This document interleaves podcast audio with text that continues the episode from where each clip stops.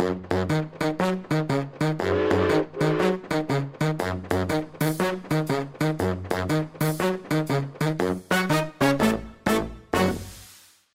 ønsker vi velkommen til eh, gamle og nye lyttere. I dag er det episode 45 som eh, kommer fra studio oppe på tredje etasjen på Narvik museum. Og vår gjest i dag det er han Roger Albrigtsen. Han skriver bøker. Og de siste tre årene, koronaperioden, så har han faktisk skrevet tre bøker. Alle sammen om krigsseilere fra nord. Eh, den første var om krigsseilerne fra Finnmark. Så året etterpå, i 2021, så kom eh, boka om krigsseilerne fra Troms. Og nå, nettopp, så kom eh, boka fra trykkeriet om krigsseilere fra Nordland. Velkommen, Roger. Hyggelig å ha deg her. Tusen takk. Du har vært veldig hektisk i det siste. Kan du fortelle litt om de siste dagers begivenheter? Det har vært uh, noen kilometer, eller noen mil kanskje vi skal si, på, på veien. Uh, jeg bor jo oppe i Finnmark, så uh, jeg fikk beskjed om at nå er bøkene på tur fra trykkeriet. Og da er det jo noe som veldig mange har venta på. Inkludert meg sjøl. og forleggeren min på, som holder til her i Narvik. Ja, du har en forlegger her i Narvik. Hva han heter han? Han heter Trond Kristiansen ja. uh, og er ekte Narvik-gutt. Så det er stadig vekk uh, artige prater og litt fleiping med Narvik-dialekt. Men uh, vi har det utrolig godt, og vi har samarbeidet veldig lenge. Ja. Dette er den tiende boka som kommer nå. Ja. Det er jo det er jo nesten så man ikke tror på det sjøl Men før vi går inn på forfatterskapet ditt, som kanskje starta ved en tilfeldighet, så skal vi plassere deg litt i landskapet. For du er jo, selv om du bor i Lakselv, så er du egentlig et ekte produkt av eh, Nordkalotten. Ja. Jeg er eh, født i Harstad. Oi. Men eh, mamma og pappa bodde jo i Bogen i Ofoten. Ja. Og eh, Mamma er fra Skjomen, og pappa er fra Bogen. Eh, og jeg bodde i Bogen de første 16 årene av mitt liv. Og så eh, endte jeg da opp uh, for noen år siden i Finnmark, i Porsanger. Og bor der. Og har bodd der siden 1997. Du hadde en farfar i Bogen som brukte å fortelle deg historier fra krigen. Ja, han Johan Albrigtsen. han Altså, det er noe med de her gamle fortellerne. Jeg tenker ofte på det. Altså, han, Johan var eh, den typen som levendegjorde historien. Altså, du, du, kunne se for deg ting når han fortalte. Og eh, vi var jo tre eh, gutter som eh, dro på besøk til, far, til han far og mor i, i, i, i Kleiva. Eh, og eh, når mine to yngre brødre ble lei og gikk hjem, så satt nå jeg fortsatt der. Og det var vel der kanskje kimen til den eh, krigshistoriske interessen kom. Eh, han, far står og peker utover eh, fjorden, og så sier han eh, Roger, der lå Tirpitz. Der lå Scharnhorst.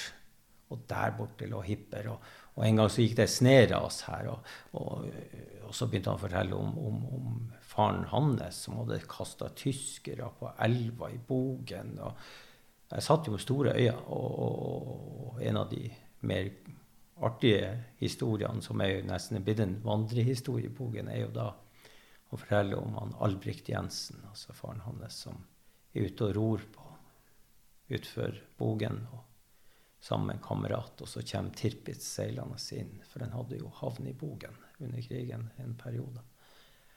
Og um, så sier han kameraten Du, du, du, du, du Albrikt, der, der, der, der kommer Tirpitz. Vi, vi, vi, må flytte oss. Og så ser han Albrikt på han. Og så sier han Nei, dem har vi ikke plikt. det var ikke dårlig. Ja, det, er en, det, er en, det, er jo en, fantastisk god historie, og den forteller jo mye om, om, om en sånn holdning blant befolkninga. Der kasta tyskere på, på elva. Og, altså, det var jo en under okkupasjonen så var det jo, eh, oppsto det jo kontakt og forhold mellom lokalbefolkninga. Det er jo noe noe spesielt. jeg kommer kanskje tilbake til. men Så du har nesten fått krigshistoria inn med morsmelka? Ja. Um, fra å være fire, fem, seks år gammel så gikk man jo over på, til Bogen skole og begynte der. Og uh, nedfor Bogen skole så ligger det jo noen sånne bunkers ennå i dag. Noe overgrodd er de men eh, de var jo bygd av tyskerne for å være sånn beskyttelsestiltak for, for Tirpitz Mm. og, og flåten som i perioder lå i, i Bogen.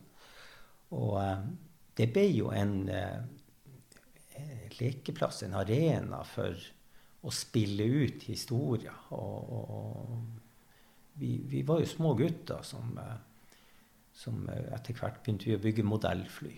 Ja. Kjøpte inn de her plastflyene.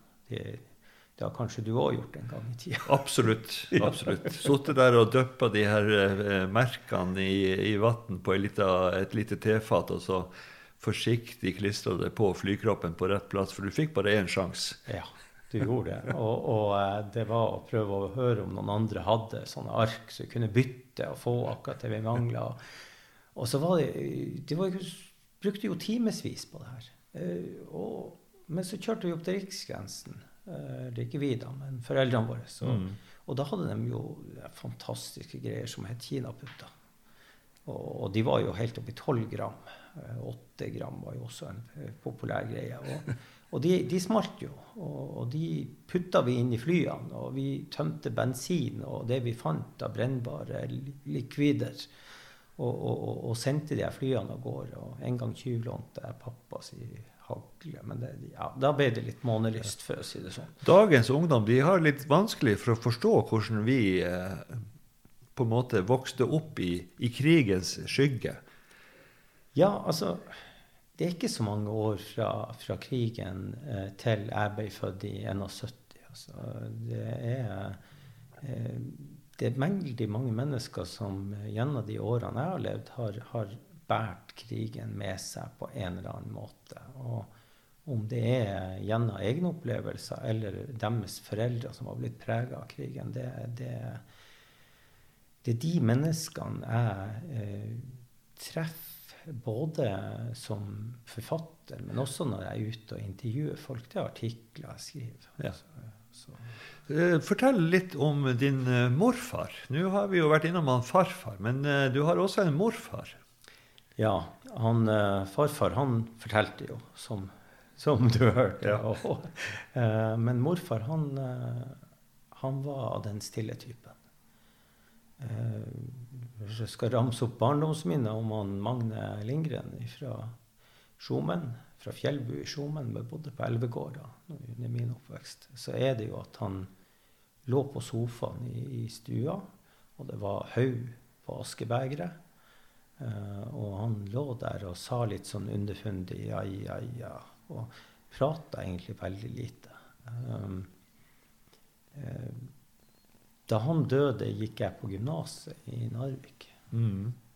Og um, krigshistorie var jo ikke interessesfæren den gang. Det var vel mer Piker, vin og sang. Ja, det kan man si.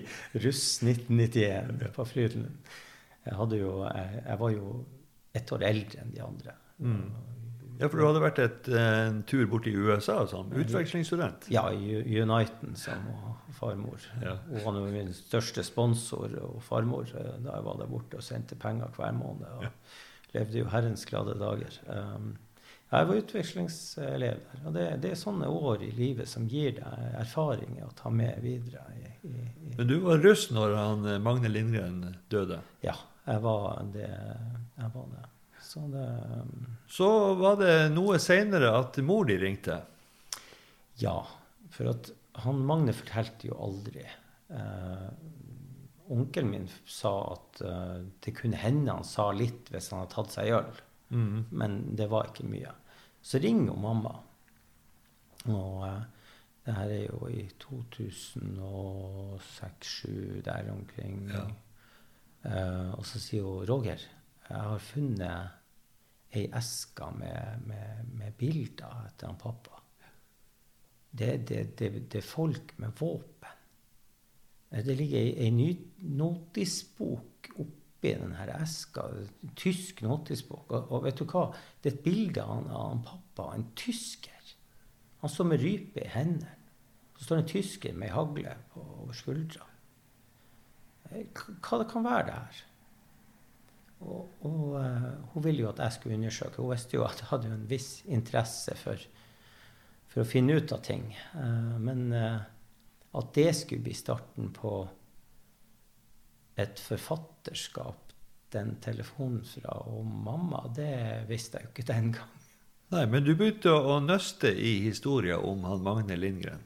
Ja, det var jo folk som visste litt om det her, og som hadde vært borti det. Jeg kom i kontakt med, med en kar i Narvik som, som, som hadde kunnskap om det. Og, men han gikk bort ganske tidlig, så jeg kom liksom ikke så mye lenger. Kom jeg i kontakt med en svensk forfatter som heter Lars Gyllenhal. Og så balla det på seg. Så tenkte jeg at først så var jo intensjonen at jeg skulle lage et lite sånn hefte, sånn at vi i familien kunne vite hva, hva var det han drev med. Han som aldri fortalte.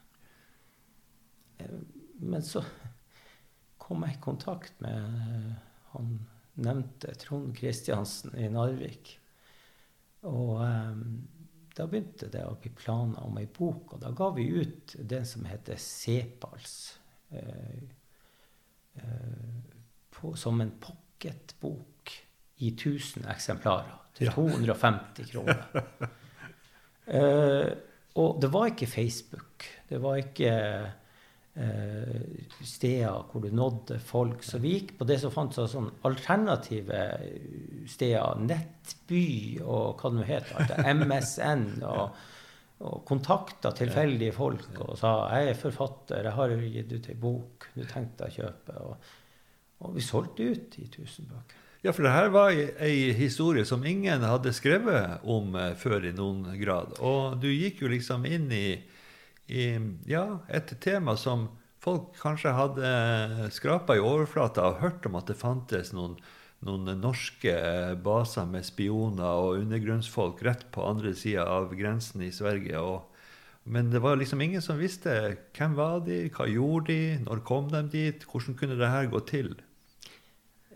Bildene ble jo en, en, eh, en ramme rundt det her. Og så i tillegg den, den notisboka. Eh, For i den var det skribla ned en del ting om Magne. Og eh, det sto bl.a. to navn der. Det sto eh, Anton Telnes. Telnessjøen per Bergen. Og så sto det Lasse Sarri Nikkaluokta. Og eh, jeg gikk jo den gang telefonkatalogen. Det er noen som husker hva det var for noe. Stor, tjukk bok. Stor, tjukk bok. og det viste seg at han, eh, både han Anton Telnes og han Lasse Sarri var i live. Fantastisk. Ja, det, det var helt Og det å oppdage det Og eh, nå bodde ikke han i Telnesjøen per Bergen, men han hadde merkelig nok av en bergenser flytta til Verdal. Og jeg fikk kontakt med han eh, og fikk dratt ned til Verdal og truffet han. Og så fikk jeg også dratt til Nikkaluokta og truffet han Lasse Sarri. Og det å bli kjent med min morfar gjennom to andre og ha bildene som støtte, var helt unikt. Ja. Det eneste du angrer på i dag, er at du ikke hadde med en bondeopptaker. Ja, det er det. Eh, Man eh, tenkte ikke så langt. Man var mest interessert i å bare ja, få høre, få vite mest mulig. Ja. Og det var jo liksom Hadde man vært mer strukturert en gang, så hadde man jo fått eh, kanskje mye mer ut av det. Men det gir en inspirasjon til å fortsette å lete, fortsette å lete. Mm. Og det var jo det jeg gjorde. Og, Ja. og den boka gikk jo fra å være en pocketbok til å komme ut på et forlag som heter Orion, eh, i, med harde permer. Så det var jo stort. Det var jo fantastisk. Så først så solgte dere 1000 pocketbøker. ja. Og så kom den altså ut i samarbeid med Orion forlag, med- harde permer. Ja. Og hvor mange bøker ble det trykt opp da? Jeg tror det ble solgt 2500 ca. av den norske utgaven. For det kom i tillegg en svensk utgave. Og han Lasse Sarri han ble jo mer eller mindre en nasjonalkjendis i, i, i Sverige etter det, med flere ukebladoppslag. Og, Ja. og jeg, en periode så hadde jeg en følelse eh, av at som forfatter så var jeg berømt i Sverige. Ja. Men helt ukjent i Norge. Helt ukjent i Norge. Og det, det, det, det var en litt rar følelse. Men så var det jo også uvanlig å gå fra pocket til hardcover. Eller Ja. hard omslag. Det er jo vanligvis omvendt. Ja. Eh, og da, du var rundt 30 år eh, da det her skjedde. Ja. Og du var, så deg i speilet, og plutselig var du, måtte du erkjenne at eh, jeg har skrevet ei bok. Da må jeg jo være en forfatter. Ja, altså det er, Eller satt det langt inne? Det der? Det sitter langt inne å kalle seg forfatter. Altså eh, Det er ikke mange år siden jeg oppdaterte tittelen på Facebook. Nei. Forfatter. Men nå har du jo kommet til bok nummer ti. Ja. Det er også noe jeg tenker på at det er egentlig ganske eh, ufattelig eh, og uvirkelig. Og når man går inn i, i en historie eller en, en sånn jobb, eller i skrivebobla, som Ja. vi forfattere kaller det, så, så, så er du så konsentrert at du får ikke med deg så mye annet av verden utenfor. Nei. Det kan ikke være lett å være gift med en forfatter. Eh, nei eh, Jeg har eh, nok eh, ja, en meget tålmodig kone. Eh, hun har i siste boka fått takk. Ja, det Veldig bra. Ikke i alle de andre, men det hender. Eh, en rød tråd i bøkene dine er jo det at du går veldig inn i eh, skjebnene, altså menneskeskjebnene. Både sånn som de sjøl forteller, men også sånn som du finner det ut gjennom, gjennom kilder. Og det virker jo som at folk setter veldig stor pris på, fordi at den boka som du skrev som heter eh, 'Med krigen som skygge', og som handler da om de her som vokste opp i et eh, nedbrent eh, Finnmark, som var ungene til de som måtte rømme, og kanskje var barn sjøl når, når hele familien måtte rømme fra Finnmark eller ble tvangssendt fra hjemmene sine. Den ble jo veldig populær, og som din forlegger han Trond Kristiansen sier, at en av de få krigsbøker som eh, har appellert veldig til kvinnelige lesere. Ja. Boka har jo, ligger jo på rundt 6000 solgte eksemplarer.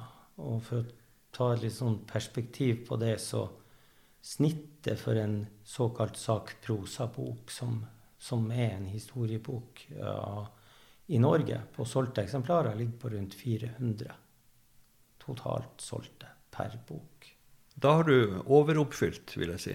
Ja, og, og, med 'Krigen som skygge' har jo også en del historier. Det er jo som, som, som handler om Jeg tror ikke det er det som har solgt boka, men det, det handler om folk som Martin Skanke, f.eks.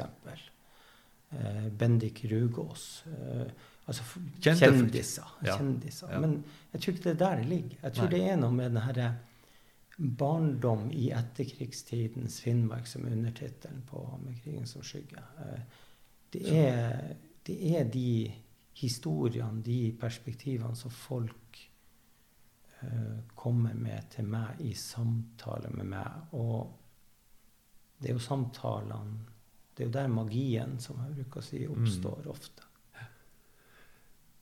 Du leste i eh, et oppslag i eh, avisen I Finnmark. Der står det Nå spiser eh, Roger Albrigtsen wienerbrød med de beste. Og det var etter en, en liten melding du hadde fått fra den mer kjente forfatteren Alf R. Jacobsen. Ja. Og Alf R. likte den boka veldig godt. Og ja, wienerbrødhistorien er jo litt morsom. da jeg, skulle jo bare innom Finnmark Dagblad, eller i Finnmark som det kaller seg i dag, da, og levere noen wienerbrød og ta en kopp kaffe og slappe av litt. De Og, holdt jo til i nabolaget. de var eh, over torget, og, og, og jeg er inn der og tar en kaffe, og så tar han opp mobilen og så tar han bilde av meg, han journalisten der. Og så, eh, så neste dag så er det eh, Roger spiser wienerbrød med de store, tror jeg er overskriften. Ja. Eh, eh, har snart solgt 6000 bøker. Og, sånt. Og, og, og, det er klart, det, det, var, det, var, jo, det var jo artig. Altså, var, en artig kuriositet, i hvert fall. Ja, ja altså. Men jeg var et ubevokta øyeblikk med wienerbrød i kjeften. Eh, så, men det var veldig artig. Og, og ja, altså kanskje en første gang hvor man følte at man var forfatter. Kanskje det var da. Ja. Av og til så har du jo reist ganske langt for å få tak i, i stoff til bøkene dine. Du fortalte at du hadde tatt en tur ned til Afrika. Ja, det er jo en direkte oppfølging av den Sepals-historien. Og um, det er, har lenge, mange år gått og tenkt at jeg skal skrive en oppfølger til den boka. Og uh, da eh, dro jeg til eh, Kenya, Tanzania først. da, Og så dro vi på safarien i Kenya. Fulgte i fotsporene til en av de Linge-agentene, Kompani Linge-agentene. Han Jan Allan, eller Svarten, som han ble kalt. Ja. Um, og jeg var med sønnen hans der nede. Nå er det strengt tatt mamma som burde vært der, men, men uh, jeg var nå reiste rundt og fikk virkelig uh, oppleve å gå i historiske fotspor. Og, ja. og, og mange av tenkerne går på steder hvor det har skjedd ting, så, så går tankene tilbake til liksom Ja, her i denne fangeleiren døde det 100 sovjetiske krigsfanger, f.eks. Eller på det her lasarettet. Eller her. Vi står jeg ser bak hodet ditt, Trond, så ser jeg Narvik havn. og eh, Det er ikke så mange år siden. det og et helt annet skue ut her. Nei, det er jo ei havn med veldig mange dramatiske historier, og noen av dem har du jo faktisk med i, i bøkene dine. Så vi kan jo eh, bare gyve løs på eh, den siste boka di, som heter 'Krigsseilere fra nord', og da er det krigsseilerne fra Nordland som får sine skjebner. Det er klart det er vel umulig å skrive alt som har skjedd? Ja, eh, og du nevnte det med menneskelig perspektiv. Um, når jeg begynte å jobbe med denne boka, så, så tok jeg utgangspunkt i en rundt 70 ulike skjebner.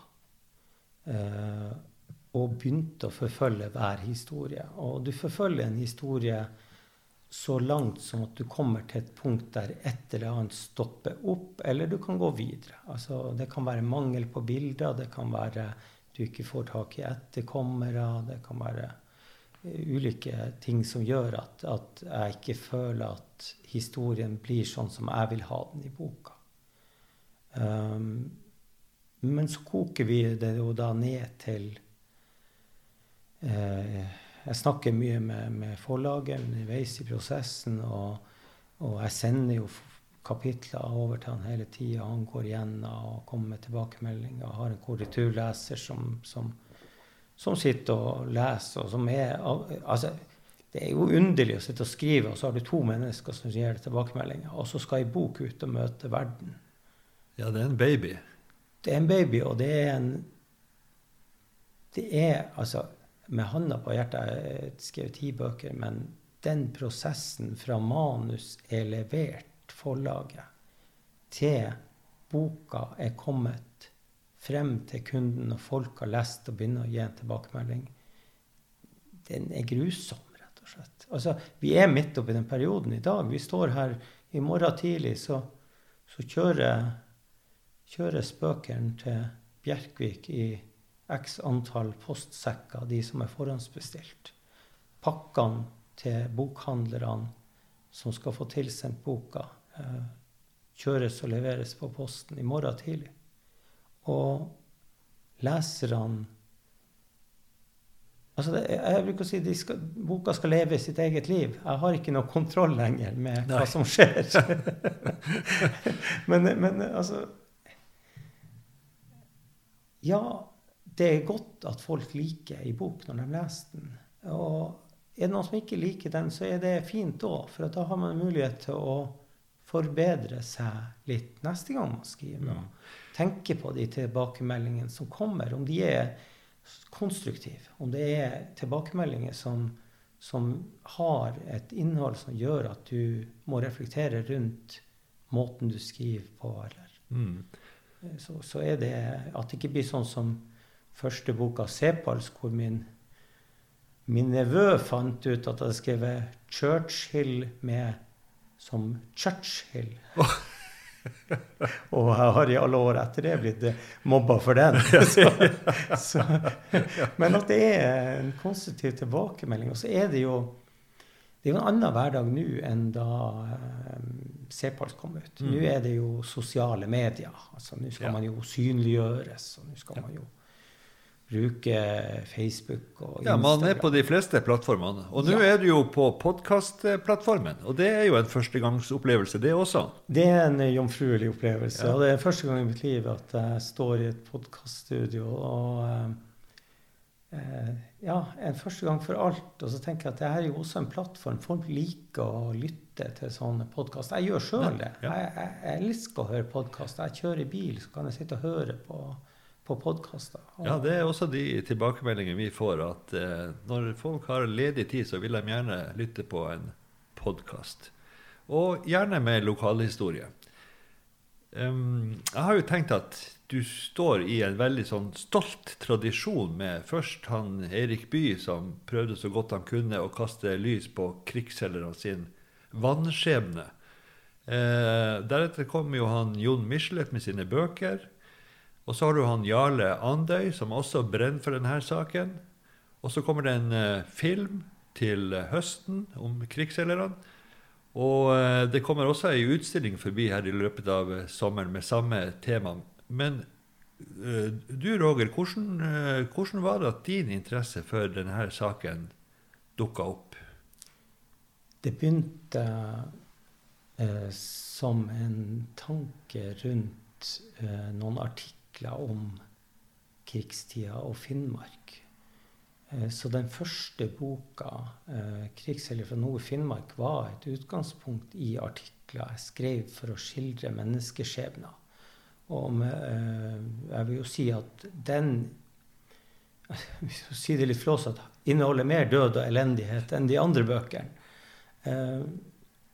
Men jeg fikk kontakt med en av en krigsseiler fra Finnmark underveis i prosessen med den boka. Han Trygve Laheim fra Stallogargo nær Hammerfest. Og um, da jeg da dro ned til Stavern og møtte den mannen som nå i år har passert 100 og blir vel 101 år til høsten, um, så, så var det som å komme hjem. Altså, det er noe med nordlendinger, finnmarkinger, tromsværinger som møtes. Og den måten man snakker sammen.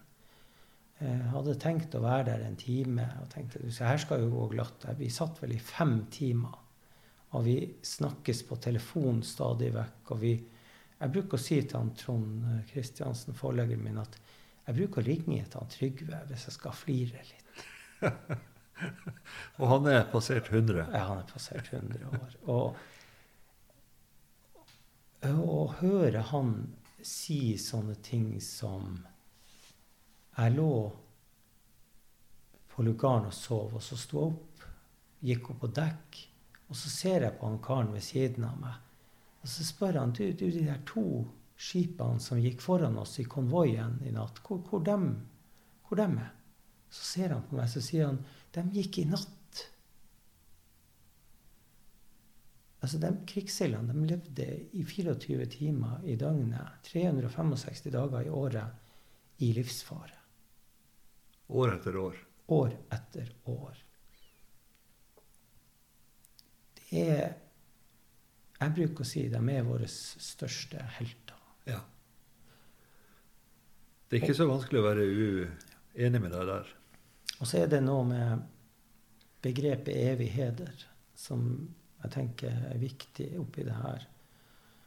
Og det å møte også siste gjenlevende krigsseiler fra Troms underveis i arbeidet med bok nummer to om Troms, han er gått bort nå, å møte den siste gjenlevende krigsseileren fra Nordland i arbeidet med Boka. Nordlandsboka nå. Um,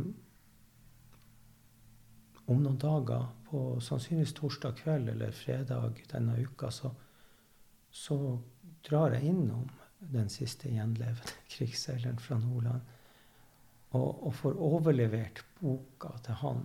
Han har fått de to foregående. Ja. men Får overlevert boka til han der han sjøl inngår. Og jeg tenker at et sterkere emosjonelt øyeblikk for meg som forfatter um, det skal godt gjøres. Jeg, jeg, kjenner, jeg, blir, jeg, blir, jeg, kjenner nesten tårene presse på nå ja. når jeg tenker på hvor sterkt det er faktisk nå.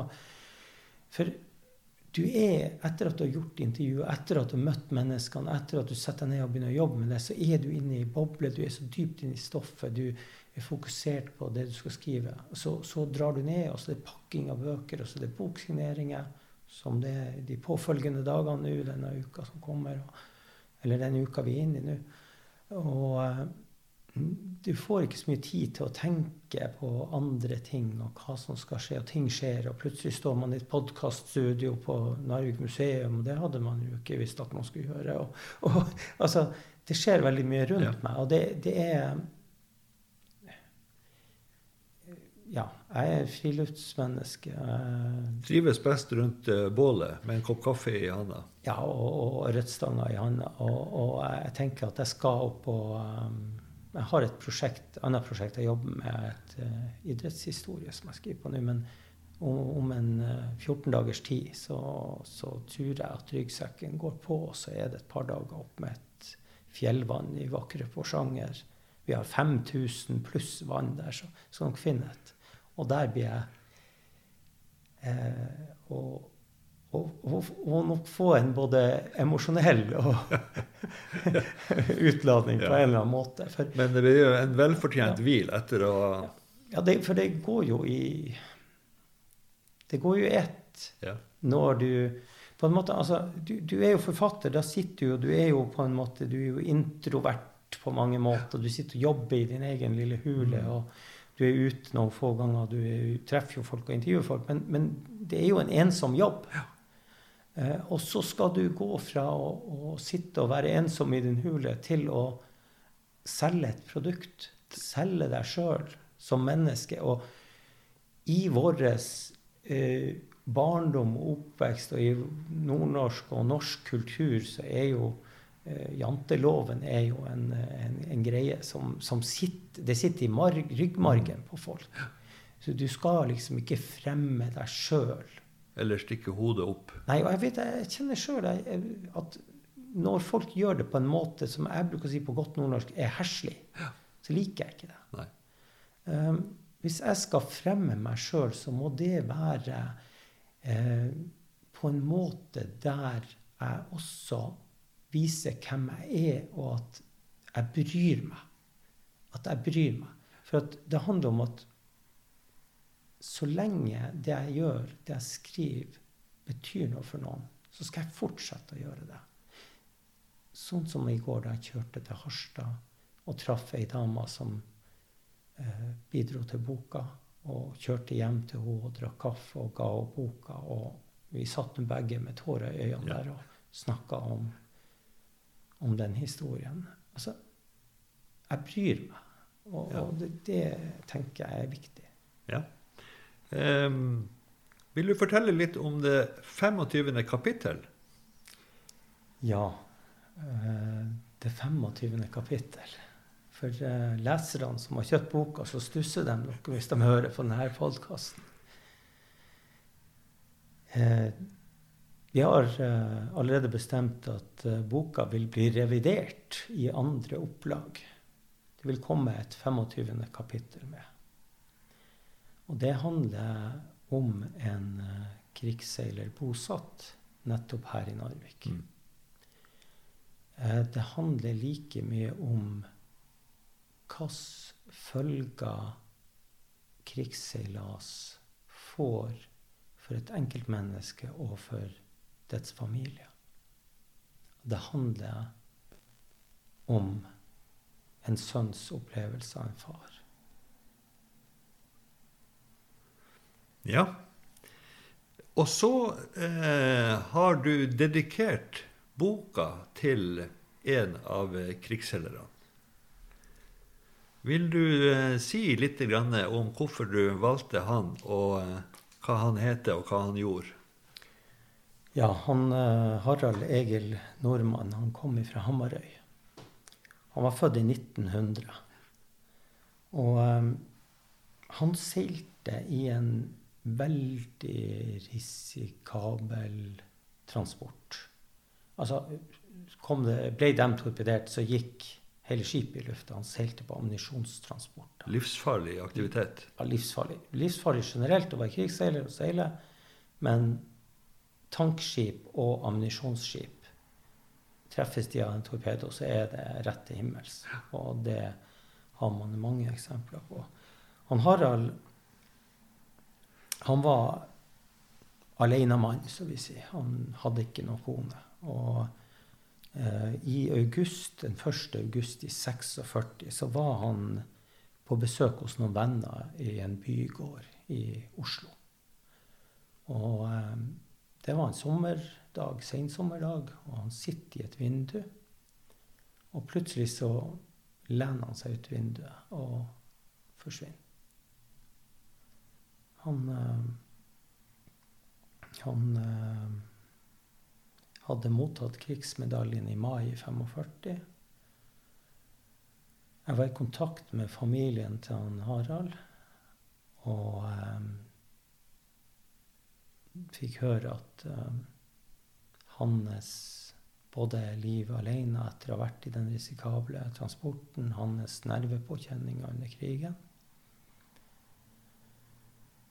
Og uh, det at han var akkurat der akkurat da, kan ha medført at han tok sitt eget liv. Men det er ingen som vet sikkert. Men de går ut ifra at det var det som skjedde. Og jeg har forsøkt å undersøke politijournaler og jobba mye for å finne mer kjøtt på beinet. liksom. Mm, ja. Altså, Vi vet det skjedde. Vi har ja. dødsannonser, ja. vi har alt det andre. Men det er ikke noe det er ikke etterforska. Nei. Boka er dedikert til han. Ja, jeg tenker at portrettet av han, blikket hans på bildet En sånn måte å tilegne ei bok handler om basisen i det som er krigsseilerne sine følger. Altså de ettervirkningene det fikk for dem og deres familie etter krigen. Mm. De betalte prisen? De betalte prisen, og de ble ikke tildelt den hederen, dem. Nei. Så han sto som kaptein under hele krigen. Og man kan vel bare ane det ansvaret han må ha kjent på for, for mannskapet sitt på en ammunisjonsbåt. Og vite at hvert sekund så kunne det være at han ble blåst til eh, evigheten. Ja. Eh, jeg tenker også på at altså Når vi er inne på Nordland, det er jo Nordlands bok, det her. altså eh, Det er ikke, sikkert ikke alle som har hørt om det som heter Krigsseilerregisteret. Nei. Og det er stiftelsen Arkivet i Kristiansand som driver en nettside som heter Krigsseilerregisteret. Og der kan folk gå inn og søke opp krigsseilere ja. og hendelser. Og lese sjøforklaringer i enkelte tilfeller. Og der er jo spesielt har jo hatt fokus på kvinner også gjennom de her bøkene. Og av de 19 som i dag er registrert, som var krigsseilere eh, fra, fra Nordland, ja. så omkom ti av dem. Ja, 50 Ja. Mer. 50% ja. mer. Altså det er og av de 2143, eller hvis ikke jeg har blingsa på én, 44, så, så altså 473 menn som omkommer i Nordland. Og Nå skal det også sies at det pågår et forprosjekt i Stiftelsen Arkivet på det som heter Hjemmeflåten. Og Hjemmeflåten var jo de som seilte i kystfart her. Hurtigruten, transportskip, enten båter som var kontrollert av tyskerne, eller som seilte med norsk mannskap langs kysten. Hurtigruta, annet. Hurtigruta seilte jo ikke under tysk flagg, men mannskapet var norsk. Og det bringer meg jo tankerekka mi i dag inn på den siste gjenlevende krigsseiler fra, fra Nordland, eh, som bor på Ørnes, og som jeg treffer i løpet av ja. uka. Eh, som også seilte under krigen, og som også risikerte eh, flyangrep og torpedoer. Men da fra enten engelske fly eller franske ubåter eller engelske ubåter eller russiske ubåter. Men det var akkurat like farlig, og kanskje farligere, å seile langs eh, norskekysten under krigen som det å krysse Atlanteren. Jeg bruker å si at sjansen for å bli berga var kanskje større siden du nettopp seilte nært kysten. Men risikoen var stor. Like stor ja. Og kanskje Ja, den var stor, ja. rett og slett. Og de, altså, vi kan jo kanskje si at krigsseilerne generelt fikk lite heder for sin innsats. Og da kan man kanskje si at de krigsseilerne som da seilte i okkupert område, fikk enda mindre heder.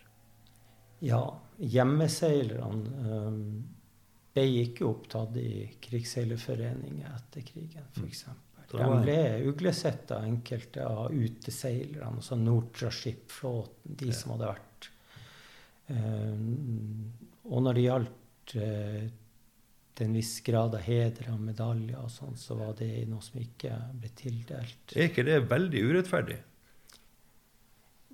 Ja, altså I dag så Jeg ser jo på det her som historie. Altså, mm. Det har skjedd. Um, Norske myndigheter kunne ha gjort mer selvfølgelig opp gjennom årene for å gjenopprette ting. Men man så også i den såkalte medaljesaken som pågikk for noen år siden her, hvor det skulle tildeles medaljer, men så endte det med ingenting. Eh, at um, tida har passert. Folk er blitt borte. Men enda i dag så lever det folk som opplevde andre verdenskrig det er lever folk som var krigsseilere. De fortjener den respekten og den takken det er å bli anerkjent på en eller annen måte. Mm. Og jeg gjør det her for at det betyr noe for noen. Men jeg gjør det også for at det er en heder til de kvinner og menn som var krigsseilere fra Nord-Norge. Mm. Og fra Nordland nå, i den siste. Før jeg sier tusen takk for din innsats, så eh, vil jeg komme inn på eh, I slutten av boka så har du laga et fantastisk register. Og det er vel til dags dato, og det får vi jo også si at det er egentlig et ansvar som myndighetene har hatt liggende på seg nå i eh, 81 år. Og eh, du har jobba en god del med å finne ut hvem var krigsseilere, hva skjedde med dem, og også, ikke minst, du har tatt med eh, når det skjedde, hvem det var som sto bak eh, ubåtangrepet, og også eh, hva som skjedde videre med de som da sto bak torpederinga. Ja, det det er en historie i hver, hvert lille avsnitt her. Uh, eh, F.eks. hvis jeg ja. tar um, Sier jeg er fra Evenes, som ja. jeg forbeholder meg retten til å snakke om en kar fra Evenes. Vær så god. Han er Berner Christian Martinussen. Født 25. februar Nei, først Berner Christian Martinussen, født 16. januar 1920 i Evenes. Han omkom 22.3 da DS Narvik ble angrepet av britisk ubåt HMS Syrtis. Og hvis du ser i lista i boka, så står det 'Se eget kapittel' i boken. Ok. Tusen takk for det, Roger. Takk og jeg regner med at uh, det her er nok ikke den uh, siste boka som du fører i uh, penna, fordi det er mange skjebner som venter på å få si historie fortalt. Det kommer en ny bok til høsten. Eller senhøsten. Kanskje juleboka i år. Takk for det. Yes. Han pappa var 27 kilo da han døde. Du kunne se rett gjennom ham. Han hadde fått beinkreft, og kroppen var ellers helt ødelagt av seilas i konvoier. Han jobba i maskin. Jeg hadde da hatt han pappa i 23 år. I elleve av dem var han høvelig bra. Jeg holdt han i handa. Det var krefter der, som i skrustikket. Det siste han sa til meg, var Går det bra? Forfatteren møtte krigsseilersønnen Robert Øystein Rydberg i Narvik en liten småkjølig augustdag. Vi satte oss til rette på en benk utover et kjøpesenter. Hvordan var det egentlig å ha en far som var krigsseiler? Vi kommer tilbake til det snart. La oss først se hvem faren hans var. Robert Wilhelm Rydberg ble født i Mo i Rana 13. mai 1911. Familien flytta så til Trondheim, der faren Johan Alfred arbeida som mekaniker. I 1916, da Robert Wilhelm var fem og et halvt år gammel, døde faren under det som kan betegnes som merkelige omstendigheter.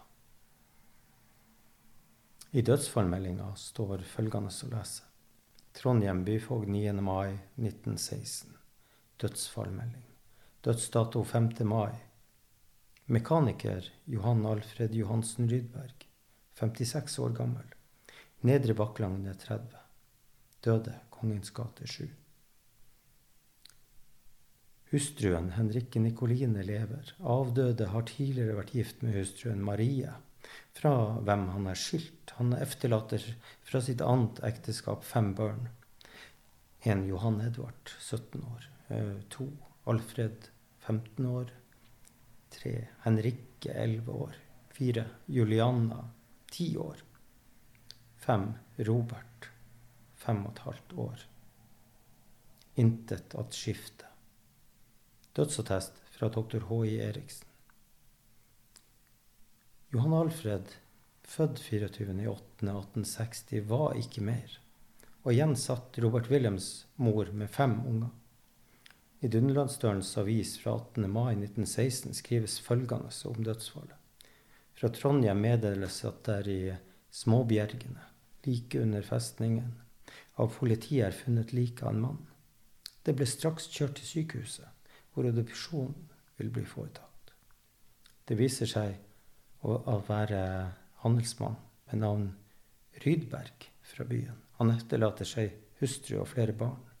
Politiet iakttar den største hemmelighetsfullhet og vil ingen opplysninger gi. I dag vet ingen hva som egentlig hendte da Johan Alfred døde. Robert Wilhelm måtte tidlig stå på egne bein. I 1921 flytta mora med barna til Narvik. I 1936 ble Robert Wilhelm gift med Odny, som var bare noen år yngre enn han. Da krigen kom til byen, hadde ekteparet fått to unger. Og Robert Wilhelm var 28 år gammel. Han hadde, han hadde arbeida som mekaniker i byen. Han, han var en altmuligmann med evne til å kunne lage gull av gråstein. Han tok også maskinist- og styrmannsskole. Men da krigen kom, var han til sjøs, forteller sønnen. Krigen førte til at muligheten for å ha kontakt med familien ble avskåret. Skipet Robert Wilhelm var på den 9. april 1940, het DS Veni. Et skip han mønstra på den 30. desember 39 i Narvik som tredjemaskinist. Maskinrommet kom til å bli arbeidsplassen i årene som fulgte. I midten av oktober 1940 mønstra han i Gurrock, Storbritannia. To måneder etter gikk han om bord på dampskipet Tode Fagerlund. Den 12 februar 1941 mønstra han i Mosambik. I november samme år ble DS Tode Fagerlund torpedert av en fransk ubåt. Robert Wilhelm var i Mosambik helt den 10. mars, da han mønstra på tankskipet Jotunfjell som motormann. Han ble om bord til slutten av april. I juni 1941 endte han på det svenske skipet MS San Francisco, hvor han arbeida som andremaskinist til januar 1942 måneden etter. 22.2 kom han om bord i dampskipet Inger 2, som eh, andremaskinist. Det ble et relativt kort opphold. Den 8. mars mønstra han av. Fire dager etterpå, den 12. mars 1942, ble DS Inger 2 torpedert og senka. Hele mannskapet på 32 omkom. Den 9. mars hadde Robert gått om bord på DT Marit 2. Han ble på skipet til begynnelsen av juni 1942. Den 11. september ble skipet torpedert av en tysk ubåt og skada. I juli hadde Robert mønstra på DS Ledal. Han var om bord til begynnelsen av januar 1943. I april samme år venta dampskipet Bestum, der han arbeida som andremaskinist. Dette skipet arbeidet han på i nærmere ett år. Etter 1.4.1944 og helt til 18.10 samme år har man ikke noe informasjon om hva Robert foretok seg. Var det sykdom eller andre årsaker til at han var på land i flere måneder? Sønnen hans vet ikke. Faren snakka lite. Men sønnen vet at faren døde med to tyske splinter i kroppen. Hvordan de kom dit, har vi ikke klart å finne ut av. DS Bestum seilte langs kysten av Storbritannia. Den 18. oktober 1944 mønstra Robert Wilhelm på DS Toppdalsfjord. Da han mønstra 11. mai 1945, hadde krigen vært over i Norge noen dager. Robert tok ikke første båt hjem. Den 4. juni mønstra han på DS Nidareid og ble der til 24.9. samme høst. I november mønstra han på DS Rio Novo. Der stoppa alle spor etter hva han gjorde i tida før han kom hjem til Narvik. Da han kom hjem, måtte familien flytte inn i ei gammel og skitten tyskerbrakke. Det var ingen hurrarop for krigsseiler Rydberg. Sønnen av Robert Øystein ble født i 1959. Hva er hans første minne om faren? Gutten var fem år gammel. Faren hadde seilt ute også etter krigen. En forskremt femåring så en fremmed mann stå i døra. Det gikk ikke mange år før Robert Wilhelm sin helse begynte å skrante. Årene til sjøs tæra på kroppen. Hardt arbeide i maskin kombinert med det store nervepresset det må ha vært å arbeide der. Var man i maskin og torpedoen traff, ble karene som arbeida der, sannsynligvis drept momentant. Robert Wilhelm måtte syke av mønsteret. Mannen som hadde vært vant til å ha noe å gjøre hele tida, ble sittende passiv. Alkoholen Alkoholen ble en venn. En løsning for å unngå å tenke. Sønnen opplevde at alkoholen var den utløsende faktoren om faren ble utagerende eller ropte. Jeg husker vi måtte rømme sammen med mamma til bestemor. Han kunne ha et svingende humør. Du kunne lese han når det var noe. Alt det der skyldtes at de ikke fikk noe hjelp da de kom hjem til Norge. Jeg skal ikke skylde på alkoholen. Det var ballasten de bar. Jeg husker jeg var livredd mange ganger. Han snakka innimellom om krigen, men om det kom for nær, ble det veldig tungt for han. Da ble han stille. Jeg tilgir faren min. Jeg må vise meg så stor at jeg kan forstå han. Jeg var 23 år da han døde. Jeg var glad i faren min, men eh, jeg nådde ikke inn til han. Jeg ble så aleine under oppveksten, og det, det, var mange ting jeg hadde lyst til å spørre han om. Robert Wilhelm Rydberg han kjempa mot demonene fra krigen. De kom om natta. Hadde vi ikke hatt mamma, hadde vi ikke hengt i hop. Hun, hun sto som et fyrtårn hjemme. Hadde det vært i dag, hadde jeg ikke gitt opp. Da ville jeg skaffe han hjelp. Den gang var det sånn at barn ikke skulle høres, og følelser. Følelser var noe man ikke snakka om. Hadde han levd i dag, ville han ha fått hjelp. Jeg husker at folk snakka om hvor fæl han var. Jeg tenkte at pappa var vel ikke fæl? Jeg husker første gang han hadde traumer. Midt på natta. Da var han ute. Der ute. Han hadde også gode perioder, men, men, han ville være sterkere enn han var, tror jeg. Jeg tenker på mora mi. Fyrtårnet. Robert Wilhelm Rydberg han døde 21.9.1982 på Narvik sykehus. 71 år gammel. På grava står ordene 'En seiler på livets hav'.